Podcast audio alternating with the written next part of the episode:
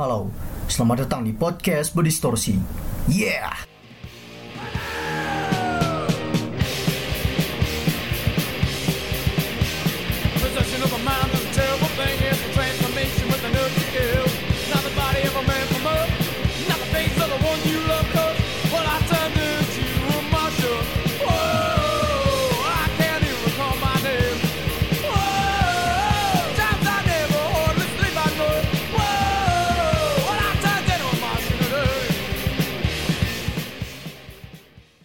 Oke, bertemu lagi bersama saya Gali dan berjumpa lagi kita di podcast ini. Haha. Ya, saya baru sempat sekarang update lagi dan setelah dua minggu kemarin saya berkolaborasi dengan dua teman podcaster saya yang membahas tentang musik, selera musik ya. Kali ini saya sendiri lagi dan kali ini kita membahas sebuah band gitu. Sebenarnya ini episode ini adalah termasuk episode dari sesi Band of the Day. Jadi bagi kalian yang belum tahu sesi Band of the Day ini adalah sesi untuk membahas sebuah band sih. Jadi sesi ini tuh sesi yang hu- dikhususkan untuk membahas band entah dari biografi singkatnya, dari album-albumnya dan mungkin beberapa fakta-fakta yang mungkin belum pernah kalian ketahui sebelumnya. Seperti itu sih setelah sesi pertama dari Band of the Day itu membahas tentang Metallica sekarang saya membahas sebuah band horror punk yang sangat terkenal sampai sekarang gitu. Dan logonya itu sangat ikonik sekali lah pokoknya. Ya nama bandnya adalah The Misfits mungkin bagi kalian yang sering mendengarkan musik-musik punk atau hardcore atau yang lain-lainnya ya mungkin kalian familiar lah dengan nama Misfits ini. Dan mungkin kalian pernah melihat logonya gitu. Logo ikonnya tuh yang bisa disebut apa ya sangat ikonik banget lah. Banyak orang yang make gitu meskipun kadang-kadang nggak tahu bandnya tapi mereka pakai aja gitu. Entah dari pakaian atau stiker atau apa pun itulah. Yang logo tengkorak tersenyum kayak gitu yang giginya ompong tapi ada matanya kayak gitulah. Mungkin kalian tahu lah. Dan mungkin sering lihat juga. Karena bajunya juga emang sangat apa ya sangat mainstream banget dan sangat murahan gitu. Tapi emang kerennya band ini tuh ya karena dia punya ikon yang itu itu. Mempunyai simbol yang ikonik gitu. Jadi semua orang tuh tahu. Meskipun memang beberapa orang mungkin nggak tahu band ini gitu. Ya kita akan membahas sebuah band The Misfits gitu. jadi kenapa saya membahas band ini?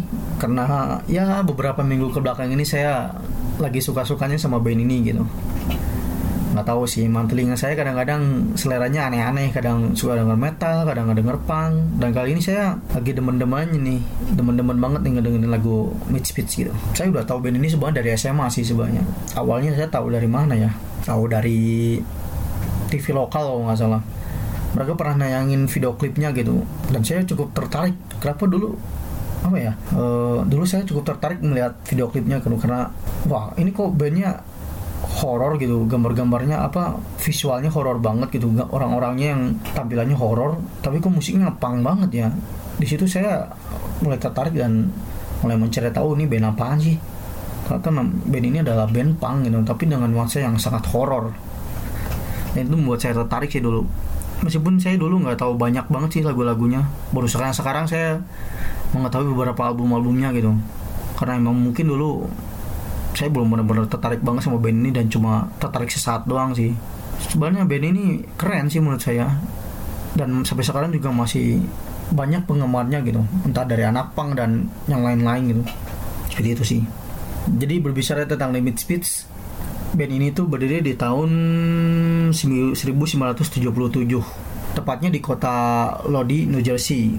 Band ini tuh beranggotakan Glenn Danzig pada vokal, eh, Doyle Wolfgang von Frankenster pada gitar, dan Jerry Only pada bass. Terus Robo pada drum. Tapi pendiri yang sebenarnya dari band ini tuh adalah vokalisnya dan basisnya sih, Glenn Danzig dan Jerry Only gitu. Mereka berdua yang mendirikan band, band ini gitu. Era awal dari The Misfits itu sebenarnya di tahun 70-an akhir tuh ya menuju ke 80 tuh band mereka masih tetap mengusung seperti genre hardcore punk dan punk yang lebih seperti Sex Pistols kayak gitulah. Tetapi mungkin entah si, si Glenn Danzig atau mungkin mereka berdua mempunyai ide lain gitu di daerah itu karena mereka mungkin mempunyai ketertarikan yang sama terhadap film horor dan juga emang ya yang yang hal-hal yang berbau horor gitu jadi mereka mencoba untuk memasukkan unsur-unsur horor itu ke dalam sebuah musik mereka gitu ke dalam musik punk. Dan ternyata berhasil sampai sekarang. Ya lirik-lirik mereka juga emang kebanyakan menceritakan tentang zombie mayat tengkorak alien kayak gitu-gitu sih. Dan film-film horor kelas B. Seperti itu sih. Meskipun nggak semua sih tapi kebanyakan liriknya emang bertemakan horor semua. Dan selain dari mereka yang ditasbihkan sebagai pencetus dari genre horror punk. Mereka juga mempunyai style yang sangat berbeda dari band punk lainnya gitu. Mungkin kalau kalian searching di internet The Misfits gitu lihat personilnya gaya-gaya mereka tuh horor banget sih. Ya mungkin horor yang lebih ke punk gitu. Mereka menggunakan cat pewarna pada muka gitu yang diputihin seperti mayat rambutnya yang semuanya hitam yang melambangkan emang jahat banget gitu ya dan style rambutnya ini loh yang sangat keren gitu di era itu. Dan mungkin sampai sekarang sih satu-satunya band yang mungkin mempunyai style rambut seperti ini hanya The Misfits doang gitu. Jadi The Misfits mempunyai style rambut bernama Devil Lock jadi st- style rambut ini tuh apa ya seperti ya poni poni kalian tuh di apa yang diketengahin semua gitu. Digulung ya digulung digulung ya gimana ya? Pokoknya dirangkai sedemikian lupa yang kalau pokoknya umumnya pada anak pang kan biasanya dijucungin ke atas gitu moheknya. Mereka malah dikebawahin gitu. Jadi dipusatkan ke tengah tengah ke bawah gitulah pokoknya lah. Lagi susah sih ngejelasinnya rambutnya.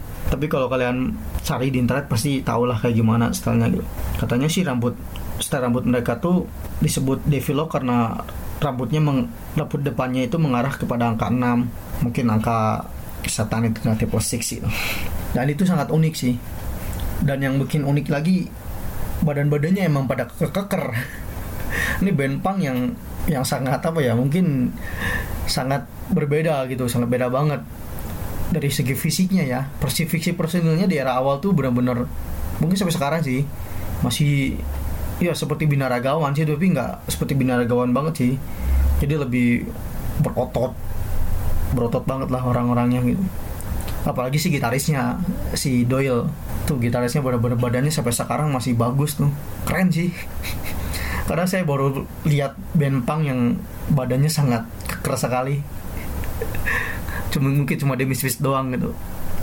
Kalau di heavy metal mereka tuh hampir mirip kayak band Manowar. Yang band metal yang badannya kekar-kekar semua gitu yang wah sangat berotot atletis gitu The Misfits juga seperti itu sih sebenarnya tapi mungkin nggak separah Manowar gitu. Mereka juga cukup produktif gitu dalam selama mereka aktif gitu. Selama mereka berkarya di dunia permusikan punk mereka cukup aktif gitu cukup banyak mengeluarkan album-album di antaranya di album album Walk Among Us tahun 82 12 Hits From Hell tahun 80 Earth Eddy tahun 83 terus uh, American Psycho di tahun 97 dan Famous Monster di tahun 99 plus Static Egg tahun berapa ini? Tahun 78 sih sebenarnya tapi dirilisnya tahun 97 dan style musik mereka tuh emang sangat horror punk banget di daerah itu gitu. Dan lagu-lagunya emang sangat keren-keren sih bisa dibilang. Banyak hits-hits yang sangat melejit gitu bagi para penggemar musik punk sampai sekarang sih. Dan musik mereka tuh sampai sekarang masih keren sih kalau didengarkan. Dan mungkin yang cukup disayangkan dari band ini itu adalah perpecahan personilnya sih. Perpecahan personilnya tuh terjadi di tahun 83 jadi ada sebuah apa ya ada sebuah pertikaian sih antara si vokalisnya si Glenn Danzig dengan si Jerry Only si basisnya gitu. Entah sih per, per, per, pertikaian entah gara-gara apa saya kurang tahu sih. Dan saya baca juga nggak terlalu dijelasin spesifik kenapa mereka bisa berseteru gitu. Tapi intinya pecah gitu. Mereka berdua jadi pecah gitu. Dan yang ironisnya si vokalisnya si Glenn Danzig ini mengundurkan diri dari Misfits gitu. Dan yang pada akhirnya dia keluar tahun 83 dan si Glenn Danzig ini membuat band baru yang bernama Samhain yang musiknya sama sama sama banget seperti Misfits teman cuman mu- mungkin lebih ke metal sih band Danzig itu.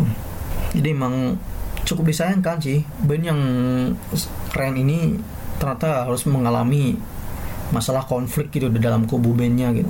Karena sangat disayangkan banget gitu karena mereka tuh keren gitu band mereka tuh sangat keren fans mereka tuh banyak gitu. Dari kalangan musisi hardcore punk dan yang lain-lain tuh sangat ngefans gitu. Kalau kalian tahu vokalis Black Flag yang dulu yang Harry Rollins itu gitu-gitu juga dia ngefans ke Midspitz sampai di tangannya ada ada tato lambang Crimson Ghostnya Midspitz gitu. Saking emang musisi punk tuh sangat sangat gimana ya mungkin sangat ngefans gitu sama The Misfits dan band ini cukup dihormati gitu sangat dihormati sih. Mungkin sekelas seperti The Ramones sih menurut saya. Sangat ikonik. Kalau Ramones kan emang sangat style mereka tuh menggunakan jaket kulit celana sobek dan rambut yang seperti mangkok. Kalau The Misfits emang visualnya yang lebih horor gitu. Tapi ya itu sih. Mereka sangat dihormati gitu di band di di di, di, apa, di kalangan penggemar penggemar musik punk hardcore punk dan underground gitu. Dan dampak dari perpecahan itu ya menyebabkan Mitsubishi ini jadi banyak apa ya jadi tidak stabil gitu di era 80-an tuh. Yang mungkin menurut saya seharusnya mereka bisa menapaki puncak lebih tinggi gitu. Setelah mereka sukses di album albumnya yang Walk Among Us, Walk Among Us dan Earth Eddy dan album-album sebelumnya gitu mereka harus mengalami perpecahan personil gitu dan menurut saya sangat disayangkan banget sih itu. Dampaknya emang cukup kental gitu. Glenn Danzig malah semakin melejit dengan solo kalirnya gitu. Setelah Samhain ya setelah bandnya yang Samhain itu mungkin tidak produktif dan akhirnya bubar dia mencoba untuk bersolo karir dan ternyata sukses juga gitu mungkin karena apa ya? Mungkin karena emang vokalnya itu udah sangat ikonik gitu. Vokalis Glenn Danzig itu emang sangat berbeda dari vokalis punk yang lainnya gitu yang mungkin vokalis hardcore punk dan mungkin yang lain pun lebih ya seperti wah let's say, wah, kayak gitulah teriak-teriak kayak gitulah. Tapi kalau Glenn Danzig itu vokalnya lebih suara bariton seperti Elvis Presley, Elvis Presley dan Jim Morrison gitu yang lebih ngebass tapi dinyanyikan dengan style yang lebih ngepang gitu vokalnya itu sangat unik gitu dan melodius. Itu sih yang bikin kerennya gitu. Ciri khas The Misfits tuh emang musik-musik mereka tuh emang sangat melodius gitu. Meskipun beragresi tinggi gitu dengan unsur punk yang sangat kental tapi masih terdengar enak gitu di telinga dan ini sangat keren gitu musiknya. Style mereka tuh emang keren. Mereka berhasil banget sih membawa unsur-unsur horor unsur-unsur film horor gitu terutama ke dalam musik punk gitu yang notabene musik yang lebih banyak menceritakan tentang pemberontakan dan lain-lain. Dan ini membuat membawa sebuah fantasi baru sih di bagi para pendengar dan pada para penggemar musik punk gitu. Mereka tuh membawa fantasi baru sih membawa musik punk ke ranah yang lebih berbeda lagi gitu. Setelah The Clash yang mungkin The Clash bisa dibilang musik punk yang lebih terbuka gitu karena mereka banyak membawa unsur-unsur lain. Musiknya emang nggak ngepang-ngepang banget nggak sekeras Black Flag dan lain-lain tapi mereka banyak membawakan unsur-unsur genre lain gitu seperti reggae jazz kayak gitu. Nah The Misfits membawa unsur-unsur horor ke dalam musik punk gitu. Ini bisa membuktikan kalau musik genre musik punk ini gitu atau hardcore hardcore bisa ngeblend dan berbaur dengan unsur-unsur lainnya gitu. Jadi nggak terpatok dengan punk tuh harus kayak gini gitu harus keras agresif dan gini-gini. Hardcore tuh harus gini-gini gitu. Tapi ternyata mereka membuktikan bisa ya mereka bawa bisa membuktikan kalau musik punk tuh bisa loh dibawa ke apa ke unsur yang lebih eksklusif itu yang lebih khusus gitu. Dan mereka membuat style yang lebih keren gitu. Dan membawa para pendengar musik punk lebih tertarik gitu. Mendengarkan musik mereka. Itu sih yang kerennya dari Misfits tuh mungkin beberapa beberapa fakta-faktanya seperti konsernya gitu di era awal itu konser mereka di era awal tuh sangat ah sangat raw power sekali sih. Kalau kalian nonton Misfits tuh ya diibaratkan seperti kalian menonton pertunjukan gulat atau lain-lain sih. Karena kalau kalian lihat lihat di YouTube video live-nya di tahun 80-an itu sangat brutal sih bisa dibilang karena penuh dengan perkelahian gitu. Entah dari penonton atau enggak dari personilnya gitu. Sampai-sampai si Glenn Danzig itu sering banget apa berkelahi dengan penggemarnya sendiri gitu kan. Ini kayak gimana gitu? Kita datang buat nonton musik punk gitu pengen nonton Misfits tapi kok kita malah berkali dengan personilnya kan nggak gimana ya? Unik cukup gimana gitu? Cukup unik gitu. Karena emang sangat brutal sekali sih karena emang bener-bener ricuh banget kalau Misfits dulu main tuh di era-era masih vokalisnya Glenn Danzig tuh emang wah brutal sekali sih bisa dibilang. Misfits yang sangat-sangat Misfits tuh daerah itu daerah 80-an itu sih sebelum mereka pecah gitu. Meskipun mungkin ada dokumentasinya di YouTube gitu tapi mungkin nggak terlalu bagus. Tapi kalau kalian lihat secara full itu banyak banget perkelahian di situ. Sampai kalau kalian mendengarkan album live-nya gitu yang Feel Live ada di lagu Horror Business si Glenn mengancam fansnya gitu. Wah itu raw banget sih. Itu yang bikin unik sih di Misfits musiknya mereka tuh horror punk tapi ternyata penontonnya emang sangat ricuh kalau ditonton. Dan band ini adalah band yang sangat menjunjung tinggi etos DIY ya. Do it yourself lah itulah pokoknya. Mereka tuh merekam album mereka sendiri gitu.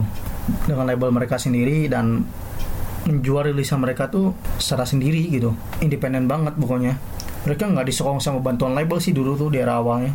Jadi mereka memproduksi albumnya sendiri gitu. Karena kalau nggak salah si, si Glenn Danzig ini punya label namanya tuh Plan 9 nah di era itu tuh album-album Misfits tuh banyak dirilis dari label si Danzig ini gitu. Jadi mereka nggak terikat dengan label-label gede gitu. Mereka lah lebih do it yourself sih. Menjual ya merokokan semuanya sendiri gitu. Promosi sendiri menjual albumnya sendiri. Jadi mereka tuh jadi sangat dekat gitu dengan para fansnya gitu. Dan mereka tuh mempunyai sebuah fans club sih namanya Fine Club. Vien Club ya tulisannya tuh. Mungkin kalau dulu tuh kalau kalian ingin beli tulisannya kalian harus menghubungi si Glenn Danzignya langsung atau personnya lain gitu karena rada susah gitu nemunya di toko kaset mungkin dulu ya. Jadi mereka tuh emang sangat dekat gitu dengan fansnya karena mereka mengusung ya mengusung prinsip do it yourself itu. Jadi mereka ya ingin segalanya tuh oleh mereka sendiri gitu. Nggak mau terikat oleh siapa pun. Dan rilisannya itu sampai sekarang menjadi barang utama para kolektor rilisan fisik gitu. Ini rilisannya tuh sangat dicari-cari oleh para kolektor. Dan kalau kalian lihat harganya gitu entah di eBay atau di toko lain-lain harganya pasti mahal banget. Entah dari vinyl, CD-nya apalagi yang keluaran era-era 80-an itu. Wah kalian mungkin bakal terkejut gitu melihatnya karena ternyata mahal sekali. Karena emang saking langkanya gitu karena mereka kan produksi itu terbatas gitu daerah dulu tuh. Dan mungkin orang-orang yang punya rilisan fisik originalnya itu sangat beruntung. Dan mungkin bakalan nggak mau ngelepas sih kemungkinan besar. Karena emang sangat langka. Sampai sekarang lah pasti.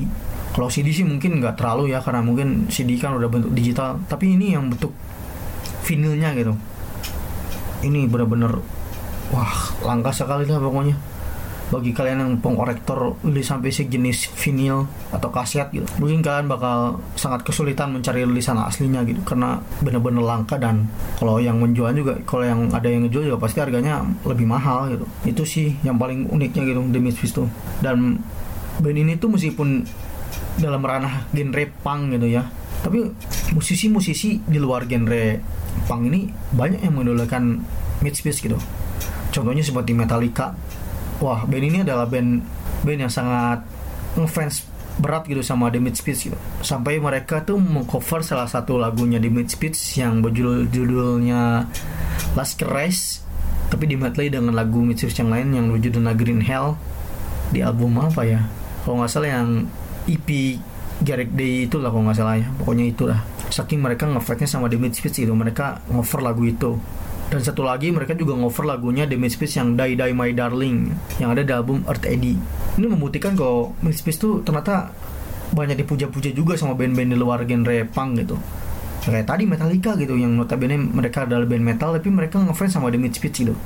Dan basisnya gitu kok ya yang Cliff Burton tuh menurut saya fans berat Misfits juga sih karena kalau saya lihat foto-foto dan daerah-daerah 80 daerah-daerah dulu tuh sebelum dia meninggal tuh dia sering banget menggunakan cosmic speech gitu. Dan juga di bagian lengannya tuh ditato lambang Crimson Ghostnya Misfits gitu. Itu membuktikan kalau personal Metallica tuh emang sangat ngefans gitu. Kita dari James Hetfieldnya juga ngefans gitu. Apalagi si James Hetfieldnya juga pernah berkolaborasi dengan Danzig di album solonya Danzig gitu kalau nggak salah. Mereka dia pernah diajakin jadi backing vokal oleh Danzig apalagi si Hemat juga pasti ngefans karena dia juga suka sama hal-hal yang berbau dengan horor gitu. Dan pasti juga dia ngefans sama Misfits gitu. Kalau kalian lihat foto-foto Metallica di era 80-an gitu. 80-an awal ya 83 atau 84 atau 5 86 gitu. Si James Hetfield dan kawan-kawan tuh kadang-kadang sering banget menggunakan baju Misfits gitu. Atau enggak band si Danzig yang Samhain gitu. Benar-benar mereka tuh pemuja berat Misfits gitu. Selain Metallica juga banyak sih band lain gitu yang ngefans itu sama Misfits itu seperti yang saya tahu tuh Guns N' Roses. Dia mereka pernah ngover ngover mereka pernah ngover lagunya Misfits yang judulnya Attitude kalau nggak salah. Terus ya band-band punk lainnya gitu seperti No FX pernah ngover lagunya Green Day juga pernah ngover lagu Misfits juga Trivium juga pernah ngover lagunya yang We Are 138 saya pernah dengar itu dan banyak lagi gitu. Ini membuktikan kalau Misfits itu berarti band yang sangat keren dan sangat wah ini berarti band ini emang nggak bisa dipandang sebelah mata gitu. Band ini ternyata emang sangat banyak gitu fansnya. Bukan dari kalangan penggemar biasa tapi dari kalangan para musisi juga banyak ngefans gitu sama The Misfits karena emang band ini emang keren banget sih bisa dibilang. Apalagi emang di era Glenn Danzig tuh emang era puncak-puncak eranya yang sangat keren gitu dulu tuh.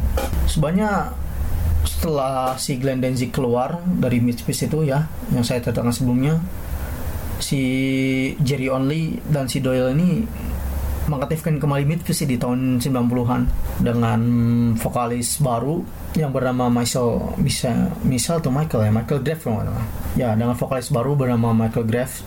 Jadi dari 90-an tuh mereka mengaktifkan kembali The Misfits gitu tapi tanpa Glenn Danzig minus Glenn Danzig gitu. Padahal menurut saya yang bikin Misfits keren tuh karena Glenn Danzig juga sih menurut saya karena emang dia sangat ikonik sekali sebagai vokalis punk gitu. Entah dari style dia bernyanyi dan lain-lainnya gitu. Tapi di era 90-an ini si Misfits ini mulai bangkit dan mulai membuat sebuah album dua album ya bisa bilang di 90-an tuh yaitu American Psycho dan Famous Monster. Bisa dibilang bagi beberapa fans Misfits era Michael Graff ini kurang disukai sih karena mereka menganggap kurang gimana mereka nggak nggak apa ya mereka menganggap Misfits tanpa Danzig tuh bukan Misfits gitu. Karena yang bikin keren tuh menurut mereka adalah Glenn Danzignya gitu Misfits dengan era Glenn Danzig itu emang sangat Misfits banget dibandingkan dengan Michael Graves gitu. Jadi beberapa fans banyak yang benci sih dengan era ini gitu. Dan banyak menganggap kalau era kemasan mereka tuh udah berakhir di era 90-an tuh. Jadi bahasa kasarnya ya percuma lah kalian ngaktifin lagi band ini nggak ada si Danzig gitu. Buat apa? Saya kami lebih suka kalau Glenn Danzig jadi vokalis Misfits daripada dia gitu. meskipun nggak semua sih berpandangan itu sih uh, album yang mereka keluarkan di tahun 90-an tuh ya American Psycho dan Famous Monster. Dan menurut saya sound mereka mungkin lebih modern sih di era 90-an ini. Mungkin karena pengaruh sound juga ya pengaruh modernisasi di era itu kan. Jadi musik Misfits mungkin lebih apa ya lebih rapi sih di era 90-an ini. American Psycho menurut saya album ini album yang cukup enak didengarkan. Dan mungkin lebih ngebut karena teman saya juga yang dulu pernah collab sama saya si Isan dulu dia ngomong kalau dia suka sama album ini gitu. Katanya dia emang lebih kata dia emang album ini lebih ngebut sih. Saya akui itu emang dia musik di album American Psycho itu emang cukup bagus menurut saya. Meskipun saya yang saya favoritkan di album ini cuma sedikit sih lagu-lagunya nggak terlalu suka semua sih. Karena mungkin feelnya berbeda sih kalau kalian mendengarkan Misfits era Glenn Danzig dan era si Graves ini sangat berbeda jauh banget sih. Meskipun musiknya masih dimainkan oleh si Doyle dan Jerry Only minus dramanya bukan si Robo nggak tahu siapa sih satu lagi karena dia udah keluar. Meskipun dimainkan oleh dua personel original Misfits tapi feelnya berbeda sih karena nggak ada si Glenn Danzig ini. Jadi cukup aneh sih menurut saya sih. Dan album Famous Monster juga seperti itu sih. Lebih lebih rapi juga sih menurut saya style mereka tuh lebih ter lebih tertata sih di album Famous Monster dan American Psycho meskipun yang ironisnya saya pertama kali mendengarkan Misfits itu malah di album yang era ini era ini gitu yang era Famous Monster dan American Psycho gitu pertama saya suka tuh Misfits tuh saya sukanya lagu-lagu seperti Scream, American Psycho, Saturday Night gitu. Yang saya dulu nggak tahu kalau Misfits itu ternyata punya era yang lebih keren selain era ini gitu. Tapi saya sebagai yang mendengarkan Misfits saya nggak terlalu membenci album-album ini sih karena menurut saya masih enak didengarkan gitu masih apa ya masih cukup energi gitu berenergi gitu sih. masih cukup enak untuk didengarkan sih menurut saya sih album ini dua album ini gitu ya meskipun mungkin bagi beberapa fans era awal Mitch mungkin membenci sih dua album ini dan membenci si vokalisnya karena nggak bisa menyamakan personanya mungkin yang nggak bisa menyamakan seperti Glenn Danzig gitu. Ya tapi ya namanya band ya pasti selalu begitu sih ada gonjang ganjingnya gitu. Ya sayang juga band ini dulu-dulu tuh masih sering bertikai gitu antara mantan personilnya Glenn Danzig dengan Jerry Only ini. Terutama tentang hak cipta lagu sih dan katalog-katalog Speech kadang-kadang masih sering berseteru sih. Tapi mungkin keadaan itu cukup mulai berubah di antar di tahun-tahun 2016 atau 17 atau 18 gitu ya. Misfits itu sempat terhuni lagi dengan si Danzig gitu. Mereka sempat main bareng lagi tuh bertiga tuh tiga personil aslinya si Danzig Jerry Only dan Doyle si gitarisnya. Ditambah dengan Dov Lombardo si drummer mantan drummer Slayer yang didaulat untuk menjadi drummer di Misfits era itu gitu. Bisa dibilang itu konser reuni sih karena mungkin selama beberapa beberapa puluh tahun ya beberapa puluh tahun kemarin tuh mereka selalu berseteru. Dan mungkin di tahun 2016 17 tuh mereka sempat berdamai gitu dan membuat konser reuni sih. Mungkin saya nggak tahu banget berita itu sih baru tahu-tahu sekarang. Sekarang sih ternyata mereka pernah reuni gitu. Ya seperti itu sih biografi singkat dari The Misfits gitu. Karena band ini emang referensinya nggak terlalu banyak banget sih. Saya baca ini emang rada susah sih karena emang nggak terlalu dijabarin banyak banget sih tentang Misfits itu ya. Intinya yang saya jelaskan cuma segitu sih yang secara singkatnya gitu ya. Seperti itu sih. Intinya mereka adalah salah satu pengusung dari genre horror punk gitu yang sampai sekarang tuh beberapa band masih ada yang mau gitu untuk memainkan genre ini. Sebenarnya saya kurang tahu sih horror punk kayak band-band yang mengusung genre horror punk selain Misfits itu saya kurang tahu. Tapi kalau di Indonesia tuh ada gitu. Namanya Kelawar Malam band asal Jakarta tuh. Mereka bisa dibilang terpengaruh banget dengan The Misfits gitu. Dan mereka juga sama dengan Misfits memasukkan unsur horror kepada di lagu-lagu punk gitu. Tapi kalau kelelawar malam mungkin lebih mencekam sih menurut saya karena mereka membawa unsur-unsur horornya ya horor lokal gitu. Seperti horor-horor lokal Ella Susana dan lain-lain gitu yang mungkin lebih merinding bagi orang Indonesia ya. Seperti itu sih. Iya kali ini mungkin saya akan memberikan rekomendasi 10 lagu-lagu Mitch yang menurut saya keren gitu dan patut untuk kalian didengarkan bagi yang kalian yang belum tahu tentang band ini gitu. 10 lagu ini tuh 10 lagu pilihan saya sendiri gitu yang selama saya mendengarkan album Blue Speech dan ke 10 lagu ini tuh yang menurut saya keren dan lepas di telinga saya gitu ya kali aja kalian tertarik gitu. Mungkin ada satu ada yang satu selera atau mungkin kalian punya selera lain ya nggak nggak masalah gitu. Tapi bagi kalian mungkin belum tahu tentang Mid Speed itu ya kalian mungkin bisa mendengarkan lagu-lagunya dari lagu, dari 10 lagu yang saya rekomendasikan ini gitu. Oke kita mulai. Yang ke-10 yaitu Scream dari album Famous Monster tahun 1999 ya lagu ini tuh ada di album Famous Monster yang era Michael Graves gitu tapi saya cukup suka sih dengan lagu ini. Dan mungkin kalau kalian pengen tahu gitu lagu ini adalah lagu pertama yang saya suka dari The Misfits karena saya pertama kali dengar Misfits itu adalah lagu Scream tuh. Saya baru tahu dari ini. Karena saya waktu itu pernah lihat video klipnya tuh yang kayak zombie makan-makan orang kayak gitulah pokoknya dan lagunya ini gitu yang wow yang gitulah. Harus dengarkan sendiri pokoknya. Keren pokoknya ini lagu. Meskipun emang bukan era si Danzig gitu ya. Tapi ini menurut saya patut untuk kalian dengarkan sih karena keren. Yang kesembilan yaitu Bullet dari album Static Egg tahun 1997 sebenarnya ini bukan album bukan album dari tahun 97 sih.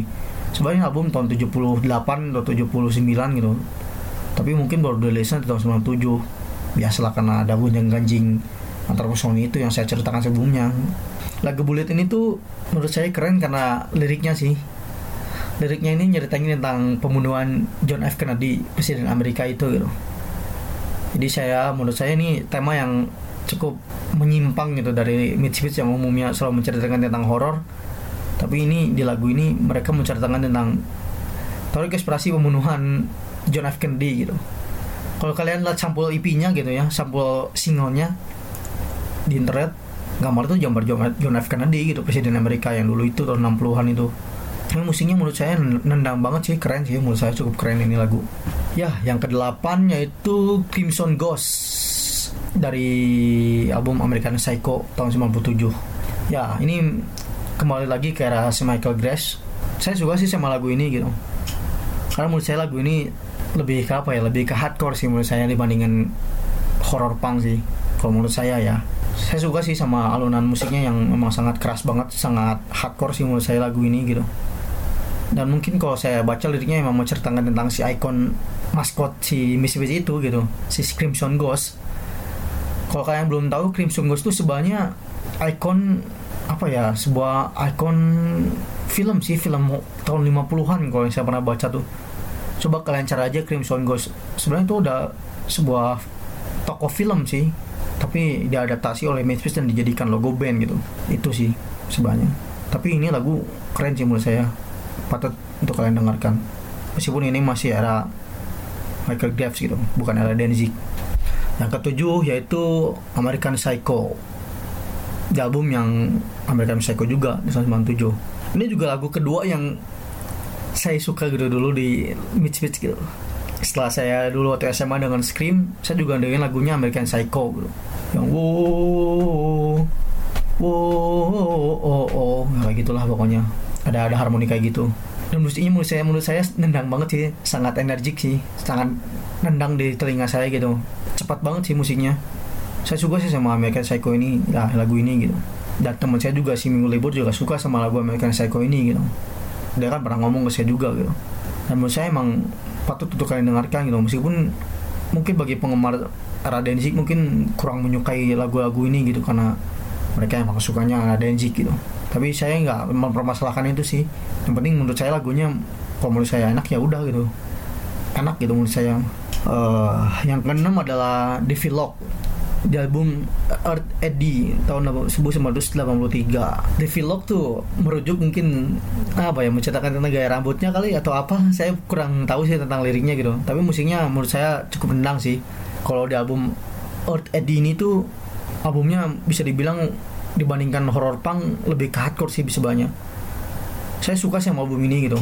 Dan mungkin album ini album favorit pertama saya kalau saya ngelis album favorit Misfits ya ini yang pertama gitu album ini gitu. Karena musiknya sangat keren sih. Di situ banyak hits hits yang sangat melejit gitu yang menurut saya di telinga saya itu sangat ngepas lah pokoknya lah pokoknya kayak gitu. Keren sih lagu ini gitu. oke yang kelima yaitu Halloween di album 12 Hits from Hell di tahun 1880 wah album ini sebenarnya album apa ya mungkin album-album Misfits yang belum kerilis sih jadi mungkin dibuat sebuah kompilasi lagu-lagu yang mungkin belum sempat kerilis atau mungkin ini masuk ke single-single EP-EP yang lain-lain gitu tapi saya suka sama lagu Halloween ini gitu. lagu ini sering banget masuk playlist Misfits saya gitu nggak tahu kenapa sering banget kesetel gitu. jadi kesuges dan saya suka sama lagu ini. Yang refnya sangat ikonik gitu yang Halloween Halloween kayak gitulah pokoknya. Ya mungkin liriknya juga berkutat dengan seputar Halloween sih.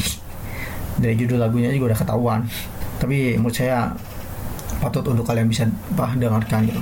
Ya yang keempat yaitu Die Die My Darling dari album Earth Eddy tahun 83 nah ini nih. Ini lagu yang saya tahu dari Metallica dulu Metallica ngover lagu ini gitu yang Die Die My Darling yang saya kira kirain ini lagu Metallica ternyata emang taunya lagunya Misfits ala Glenn Danzig. Bisa dibilang ini lagu lagu ya lagu era awal apa lagu ketiga saya yang saya dengarkan di era awal saya mendengarkan Misfits gitu ya, dengan intro yang sangat ikonik gitu. Die Die Die My Darling kayak gitulah pokoknya. Dan lagu ini tuh pernah dibawakan oleh Metallica bersama Danzig gitu di acara anniversary-nya Metallica kalau nggak salah. Kok saya pernah lihat di YouTube sih. Mereka Metallica sama Danzig ngebawain lagu ini. Selain lagu yang Last Crash dan Green Hell. Saya tahu lagu ini sebenarnya benar-benar dari Metallica sih sebenarnya. Karena saya belum dulu belum tahu banget era si Danzig ini. Karena mungkin saya lebih kenal era Grab sih di era awalnya. Saya mendengarkan gitu ya tapi lagu ini rekomend banget buat kalian dengarkan sih. Keren pokoknya. Ya yang ketiga yaitu London Dungeon di album 12 Hits from Hell tahun 80 lagu ini tuh sebenarnya eh, sebuah kisah nyata sih bisa dibilang. Sebuah kisah nyata sih Glenn Danzig ketika di penjara di sebuah penjara di kota London gitu bersama gitaris pertamanya ya. Saya baru tahu baru inget gitu kalau Mitch Beast tuh sebelum si Doyle tuh punya gitaris juga gitu sebelumnya. Namanya si Bobby kalau nggak salah. Nah mereka berdua tuh mungkin terlibat perkelahian di London dan mereka tuh di penjara gitu di London. Dan si Glenzik menceritakan kisah mereka di penjara di kota London itu dengan lagu ini gitu. Dari lagu ini katanya sih emang cukup menyeramkan sih liriknya. Karena emang nyata dan menceritakan keadaan di penjara di kota London itu dengan riff refnya yang I don't wanna be here your London Daniel kayak gitu sih kalian bisa didengarkan sih lagu-lagunya rekomen banget sih mau saya buat dengarkan sih ini lagu ini Oke, yang kedua yaitu I Turn Into a Martian di album Walk Among Us tahun 82. Sebenarnya di album Walk Among Us tuh banyak lagu-lagu keren sih seperti Twenty Eyes, Headbreeders, Like a Go Go, Astro Astro Zombies gitu. Tapi menurut saya pribadi gitu, saya lebih ngisir di di lagu ini gitu. I Turn Into a Martian. Sebenarnya saya tahu lagu ini juga dari band lain. Saya denger lagu ini tuh dari band lokal dari Cimahi gitu band lokal Indonesia di Cimahi yaitu Goodless Simpton saya pernah dengar ini dari mana ya di Reverberation kalau kalian tahu mungkin ya, Reverberation nah saya dengar itu dari Reverberation gitu mereka tuh cover lagu I Turn Into Martian yang Midspit itu meskipun mereka si Godless Simpton ini tuh lebih hardcore banget sih lebih lebih raw sih dibandingkan yang era dibandingkan yang versi Midspit gitu. Tapi dari situ saya tahu lagu ini gitu. Dan saya jadi suka sama lagu ini lagu yang I Turn Into the Martian gitu. Yang refnya tuh Blown into Martian Wow, I gave you the call my name Kayak gitu lah pokoknya. Kayak gitu sih, keren sih keren. Sangat cepat sih musiknya juga Lebih punk horror sih. Kalau lagu album-album ini di Lock Among Us tuh lebih punk horror punk banget sih. Menggambarkan horror punk banget sih. Album ini tuh.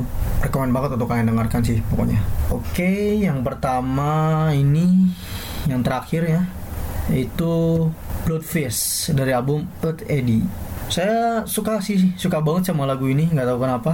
Padahal menurut saya lagu ini tuh nggak nggak ngebut-ngebut banget kayak lagu-lagu mid yang saya rekomendasikan gitu tapi menurut saya lagu Bloodfish ini sangat melodius gitu bagi musiknya mid switch gitu. Lebih easy listening sih bisa dibilang tapi saya sangat suka dengan lagunya gitu. Entah sih di telinga saya sih lagu ini lagu yang lagu Mitsubishi yang paling enak gitu yang pernah saya dengarkan. Ketika saya mendengarkan album Earth Eddy, Earth Eddy ini yang album ini terus saya menemukan track Bloodfish ini saya selalu mengulang-ulang track ini gitu berkali-kali karena di telinga saya tuh terasa ngepas banget gitu karena ya gitu sih. Enak aja gitu didengerin ya kali aja kalian belum tahu gitu tentang lagu ini ya coba kalian dengarkan ini. Yang refnya tuh And I'll go again. Na na na na. And I'll go. Kayak gitu lah pokoknya. Keren keren pokoknya. Cukup rekomend banget sih buat didengarkan pokoknya semuanya. Ya paling cuma 10 lagu itu sih yang bisa saya rekomendasikan untuk kalian dengarkan khususnya bagi kalian yang belum tahu banget tentang band ini gitu tentang The Misfits gitu. Kalian boleh banget sih mendengarkan sebuah lagu yang saya rekomendasikan. Dan kali aja ada yang cocok gitu. Tapi kalau kalian punya versi sendiri ya nggak apa-apa sih karena setiap orang kan punya selera yang berbeda-beda gitu. Dan mungkin ke 10 lagu ini yang menurut saya emang masterpiece-nya Midfit versi saya sendiri gitu tapi ya nggak ada salahnya saya mencoba untuk sharing ke kalian semua yang mendengarkan gitu. Ya kali aja kalian pingin tahu gitu lagu-lagu Misfits yang keren apa aja sih gitu. Ya ini versi saya itu ini gitu 10 lagu ini gitu. Dari lagu Scream era Michael Graves sama sampai Bloodfish era Denzi gitu era kemasan Misfits gitu. Ya paling cuma segitu sih yang bisa saya jabarkan gitu tentang band ini. Ya mau mau maaf aja gitu kalau dalam penjelasannya mungkin balelol atau enggak terlalu nyambung atau gimana. Dan mungkin yang saya baca juga memang nggak terlalu banyak kebahas sih band ini tuh karena emang ya itu gara-gara konflik itu sih jadi emang band ini tuh sedikit terpecah belah gitu. Sayangnya di, dari situ doang. Padahal kalau si Danzig nggak mengundurkan dari dari The mungkin album mereka mungkin lebih menggelegar lagi dibandingkan era yang Michael Graves dan era sekarang-sekarang gitu. Ya kita berharap aja semoga band ini masih bisa produktif dan membuat sebuah karya yang lebih keren lagi gitu dari sebelum-sebelumnya. Ya kita tunggu aja gitu progres selanjutnya dari band ini. Karena band ini belum bubar sih. Jadi yang lebih gimana ya? Lebih kayak vakum aktif lagi vakum aktif lagi lebih kayak gitu sih.